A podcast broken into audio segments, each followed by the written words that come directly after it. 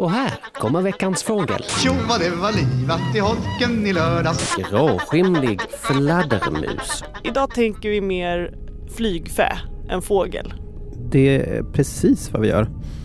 Det är ju Halloween special idag. Och då ska man ge sig ut i natten och spana efter fladdermöss. Exakt. Och det som vi tänker då som veckans Halloween special det är gråskimlig fladdermus. Mm, varför just den? För det är inte Sveriges vanligaste fladdermus. Nej, det är det inte. Men det är däremot den enda fladdermusen som du hör lätet av. Mhm. Okej, och det kan man höra nu. Precis, så det är alltså typiskt senhöstläte. Eh, gråskimlig fladdermus.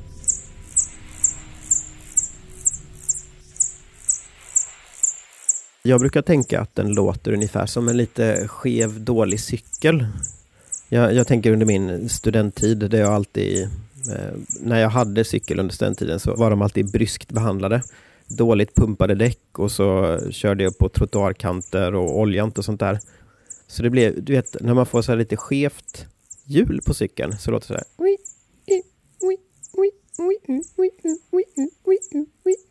Ungefär. Du är med på vad jag menar? Ja. Ja. Och så låter ju gråskimlig fladdermus. Att det var liksom, innan jag hade fattat att det var fladdermus så tänkte jag ibland så här. Det, I Lund så hörde jag ofta dem då. Och då tänkte jag att det var folk som kom cyklande. Men så insåg jag att nej, men det här kommer ju uppifrån eh, himlen på något sätt. Och då kom denna insikt. Nästan mindre skräckinjagande när man går i en mörk Lundagränd att ha sällskap av en eh, fladdermus än av en läskig gnisslande cykel som kommer bakom en. Jag, jag, tänker, jag tänker att både cyklister och fladdermöss är ganska harmlösa eh, i regel. Så för mig var, det, var inte det jätteotäckt. Du är så tuff Anders! Ja, det, det är inte många som är så modiga, eh, men jag är faktiskt det. Eh, men det som är lite roligt då med, med gråskimliga fladdermusen, det är just att den har ett hörbart läte. Hannarna markerar då höstrevir, så att det är deras höstrevirsläte man hör. Och det är faktiskt också så att de här reviren etableras i städer. Så att det är väldigt lätt att höra då. Alltså. Och jag som är Härligt. kvällstrött, Mm. har jag ändå chans? Ja men det har du verkligen för att det är också en tid på året då det blir mörkt ganska tidigt. Och vi är ju inne i vintertid nu också. Så att eh, det räcker egentligen i princip att det är mörkt. Och det blir det ju. Det blir ju väldigt tidigt. Ja, Ja. men toppen, Ja. då kan man ju typ se dem dygnet runt känns det som. För så mörkt känns Mm. det nästan nu. Sen kanske att du inte ser dem sådär jättemycket utan det är ju snarare att man hör då. Men det, Inte det ens så här att man bara ser att det är något svart som snabbt far förbi en eller? Nej, jag tror att de ofta, och här spekulerar jag lite, men jag tror att Mm. de ofta flyger på lite högre höjd.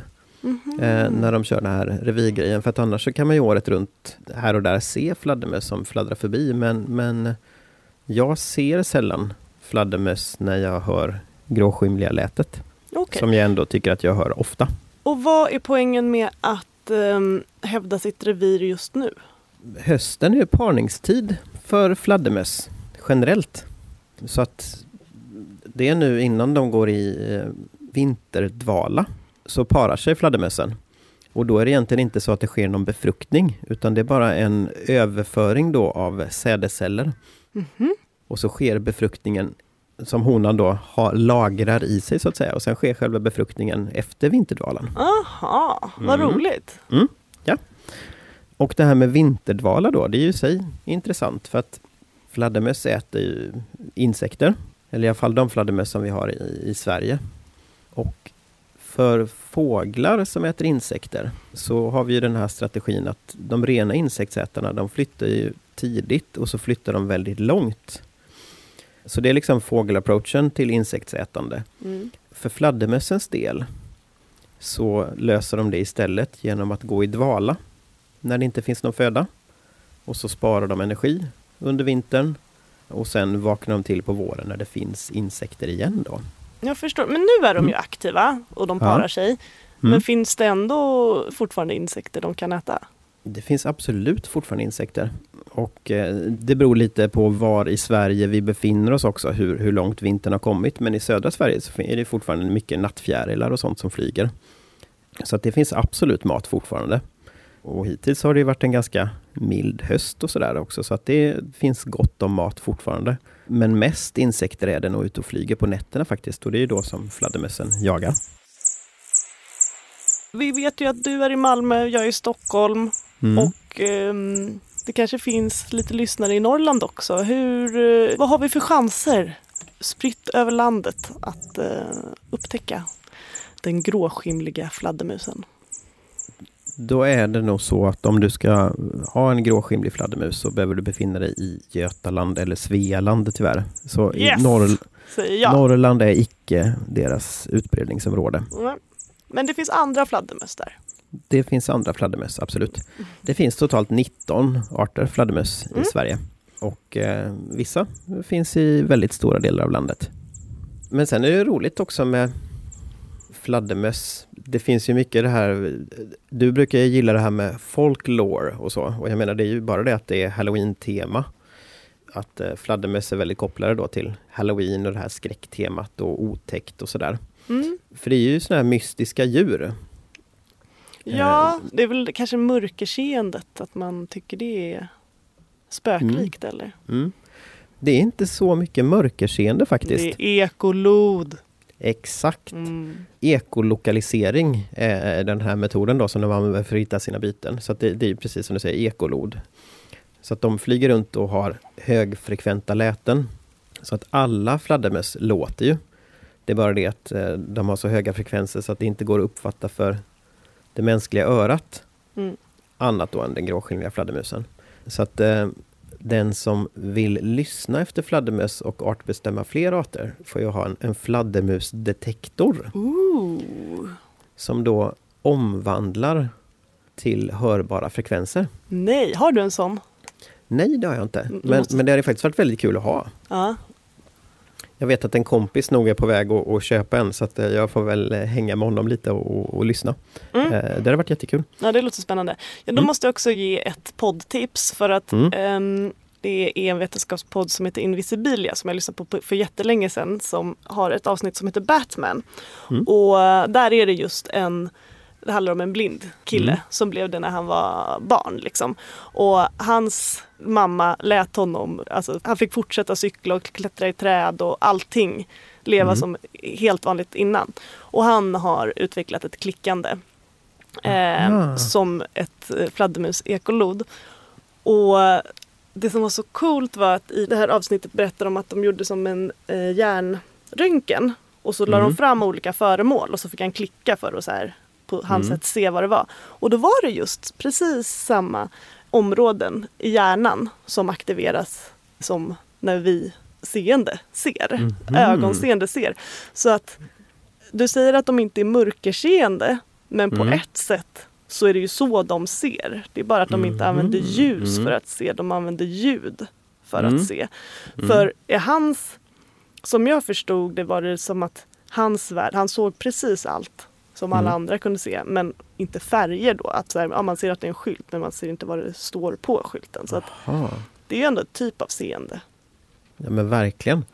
Att processa sinnesintryck till att bilda sig en rumsuppfattning. Då, Mm. kan man väl säga. Ja, men den, det kan jag verkligen rekommendera. Det avsnittet. Så himla coolt. Mm. Och eh, att det finns mänskliga fladdermöss ibland Mm. oss. Men också lite kuriosa då om det här eh, ekolokaliseringen som eh, fladdermöss använder sig av. Det, detta kunde man konstatera redan på 1700-talet faktiskt. Mm. Att det var så det funkar. Okej. Ofta var det så på den tiden att forskare var om man säger allmänna akademiker, det vill säga ofta teologiskt utbildade personer. Nu minns jag inte riktigt namnet på denna biskop, tror jag att det var. Men han gjorde i alla fall i slutet på 1700-talet försök då så att han hade fladdermöss i ett mörkt rum där han hade spänt upp trådar. Och så lät han fladdermössen flyga runt och så kände han på trådarna då. Och så märkte han då att nej men de kan ju flyga runt här och de krockar aldrig med trådarna. Mm. Och då förblindade han fladdermössen Eh, exakt hur han gjorde det, det vet jag inte riktigt. Eh, forskning, Ögonen på dem? Eller? ja precis, Ja, ja, på ja. något sätt. Inte så trevligt kanske, Nej. men eh, forskningsetiken var kanske inte den bästa på den tiden. Ändamålet helga medlen ehm, filosofi. Så var det nog. Mm. Och eh, då när de var förblindade så eh, flög de ändå inte in i några trådar. Men däremot då så upptäckte han att eh, när han hällde vax i öronen på dem Okej. eh, så kolliderade de med trådarna då. Då drog han slutsatsen att det är hörseln som de Ja. använde för att bilda sig en uppfattning av hur rummet är uppbyggt. Och detta fick inte riktigt genomslag på den tiden. Eh, utan det var någon gång sen på 1800-talet då man kom på det igen. Men det var då det först upptäcktes. Mm. Vad man vet. Så det är intressant. Mm. Ja, verkligen. Men det var inte så mycket folklore där. Vi, det blev en liten avstickare. Ja, men det gör väl inget. Men ska vi prata lite om folklore kanske? Ja, har du något kul på Mm, det? Nej, ja men Ja. då måste vi prata Det folklore. kan man väl säga. My God. Yes. Mm. Vi har i svensk folklore då kring fladdermöss så, så tänker man ofta att de är förknippade med otur. Mhm. Till exempel då trodde man för att om man fick in en fladdermus i huset så kommer någon i hushållet att dö. Oj. Det var någonting man trodde. Ja. Eh, och då är det ofta så att fladdermöss har man ganska ofta i huset men kanske inte inne i själva bostaden för att de övervintrar gärna på vindar och sånt där eller övernattar. Mm. Men om man hade en som flög in i huset som man hittade i själva boningsdelen då så trodde man att någon skulle dö. Mm.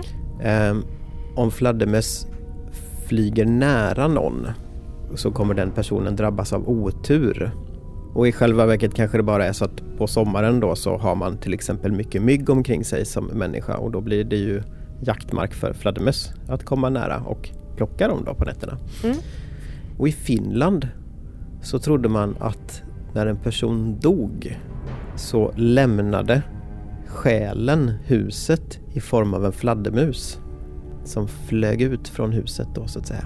Okej, det var Mm. inte så vackert. Nej. Det kändes Eh. lite mörkt. En mörk Ja men själ. lite mörkt. Ja. Och det kanske har att göra med bara hur vi tänker på fladdermusen annars. Och sen har vi ju liksom hela den här Dracula-grejen och allt det. Mm. Eh, vampyr, Men det finns väl vissa arter som suger blod? Mm, det finns i Mellan och Sydamerika.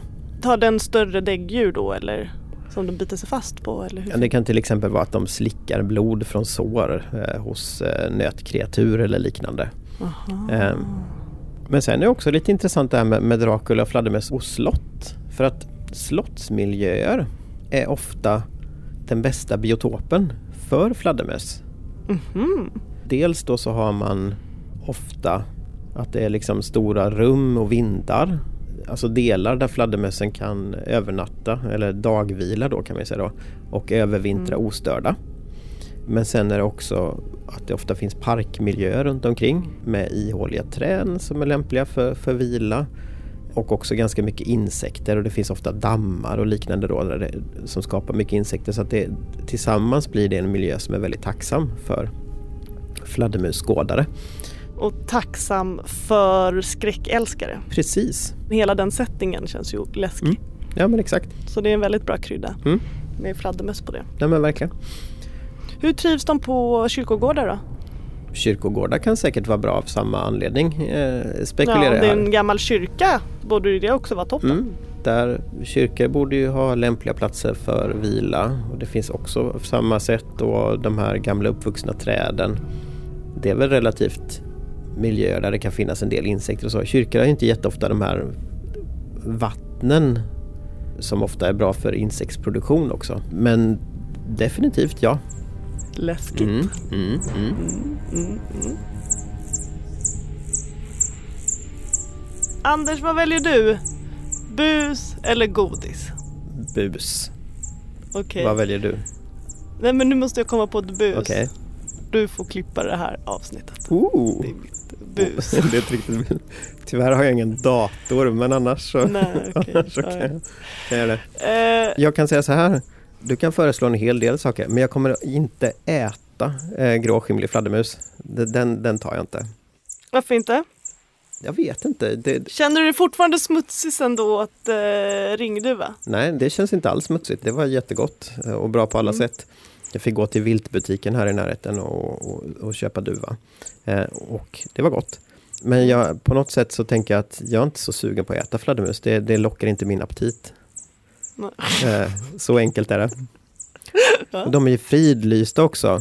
Okej, ja, det- då är det ju ännu sämre. Mm. Happy Halloween! Happy Halloween!